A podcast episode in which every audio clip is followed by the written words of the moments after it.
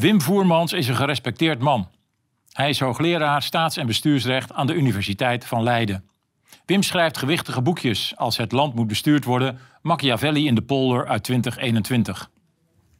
Wim is een graag geziene gast in de talkshows en aan de tafels. Hij komt uit Zundert, het geboortedorp van Vincent van Gogh. Het belangrijkste evenement in het dorp is het jaarlijkse bloemencorso. De gemeente Zundert is solidair met de Oekraïne. Tot zover een paar leuke weetjes over Wim en Zundert.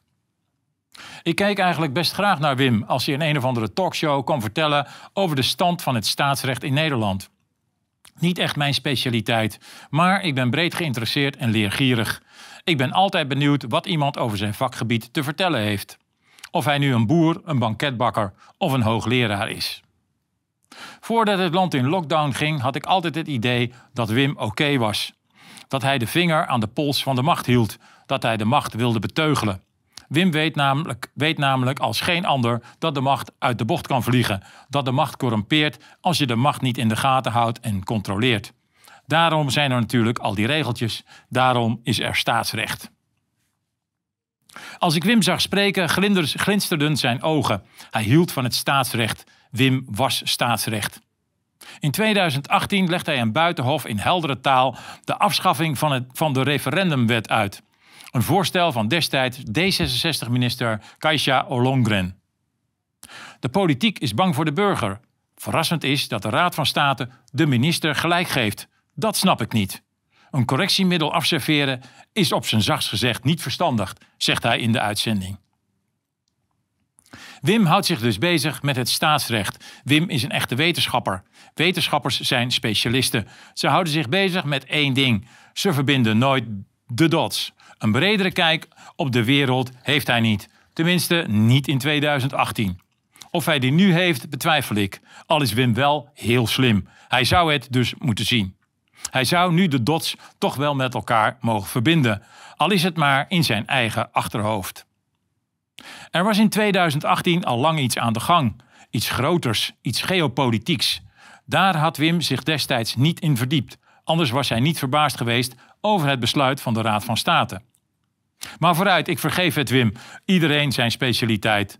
Naast, naast fotograferen zijn mijn specialiteiten geopolitiek, globalisering en de eeuwige strijd om de grondstoffen.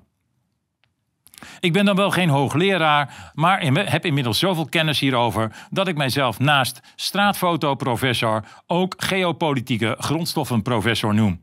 Al meer dan 30 jaar lees ik hier dikke boeken over, heb veel gereisd naar duistere grondstoffenlanden. Dit komt allemaal door meester Kiel, mijn bevlogen aardrijkskundeleraar van de middelbare school, die bij iedere aardrijkskundeles met koeienletters op het bord schreef: alles draait om grondstoffen. Het was 1973, de eerste oliecrisis. Ik hou van bevlogen mensen, mensen die houden van hun vak, of het nu een boer, een banketbakker of een hoogleraar is, of in mijn geval een fotograaf. Ik ben nog net zo bevlogen als toen ik bijna 40 jaar geleden begon. Misschien nog wel veel bevlogener. De tijd dringt namelijk. De dood is onderweg. Hij heeft al een keer hard op de deur gebonst. Dan ineens uit het zogenaamde niets is daar begin 2020 corona, met alle gevolgen van dien voor de burger.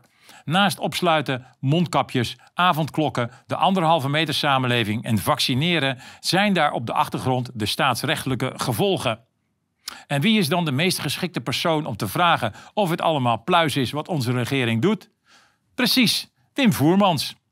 Hij is dan ook te zien in allerlei programma's. Hij maakt zich zorgen, publiceert er stukjes over en komt opdraven in praatprogramma's. Maar de glans is verdwenen bij Wim. Het lijkt wel alsof hij zelf niet meer gelooft in wat hij zegt. Op de site van de Universiteit Leiden schrijft Wim op 1 maart 2022 het volgende, en ik citeer. Tijdens de coronajaren 2020 en 2021 werd de Nederlandse burger armer, angstiger, onvrijer en opstandiger. De staat kreeg meer macht en trad op allerlei manieren het leven van de burger binnen om zijn gezondheid te beschermen. Burgers werden tijdens de twee coronajaren beperkt in hun uitoefening van hun constitutionele rechten. Het opschorten van die rechten als zodanig was niet ondemocratisch. Het debat ging steeds over de vraag of de duur en de mate ervan in verhouding stonden tot de ernst van de schade van het virus voor de gezondheid van de burger en het zorgapparaat. Wim ziet de normalisering van de ingrijpende overheidsmaatregelen terugkeren in de komende wetgeving.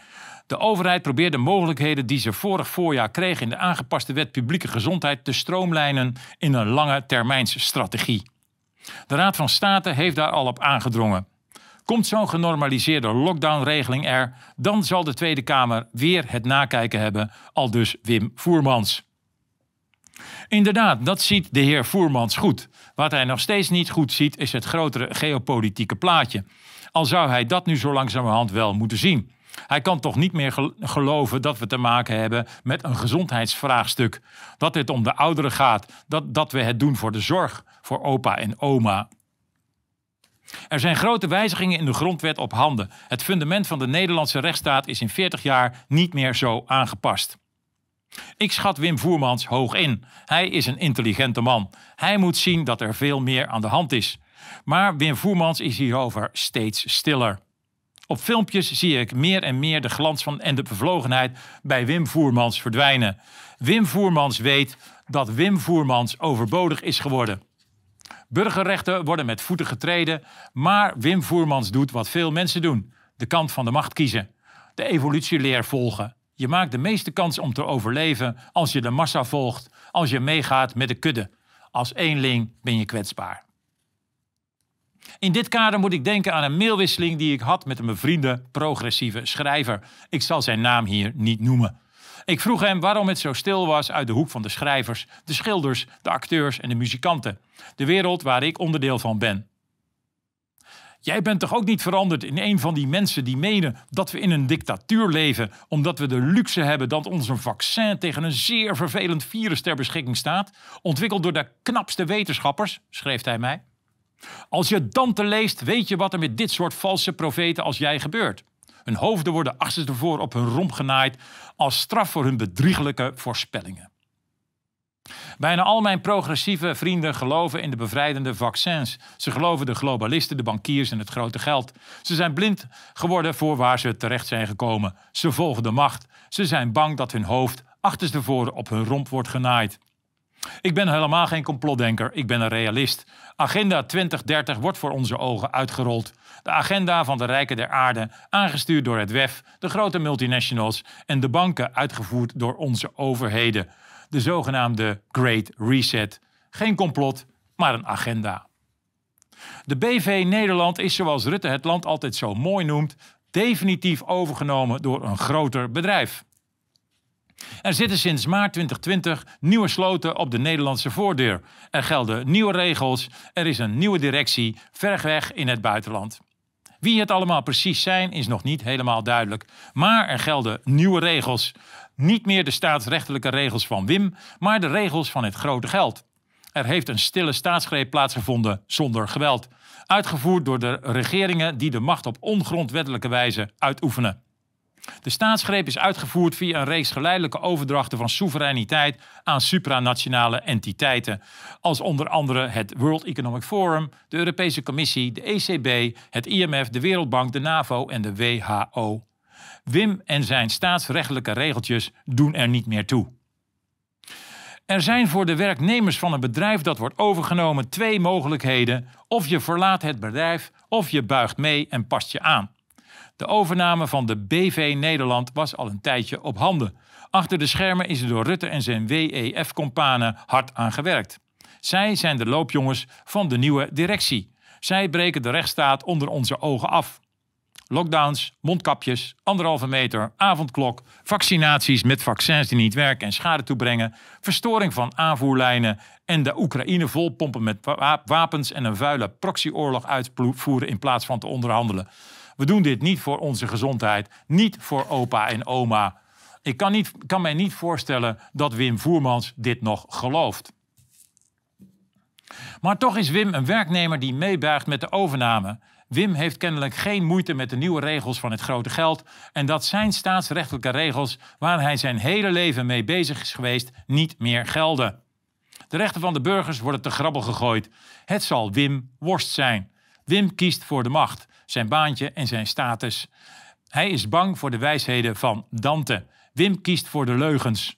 Maar leugens winnen nooit, Wim. De macht is in paniek. Ze hebben haast. Ze voelen dat steeds meer mensen hun leugens doorhebben. De vaccinatieschades gaan de macht uiteindelijk de das om doen. Zoals ik al eerder zei, ik schatte Wim Voermans hoog in. Maar voor mij is hij definitief door de mand gevallen. Eigenlijk hou ik er niet van om persoonlijke columns voor te dragen, maar Wim heeft het daarnaar gemaakt, net als Ab Osterhaus.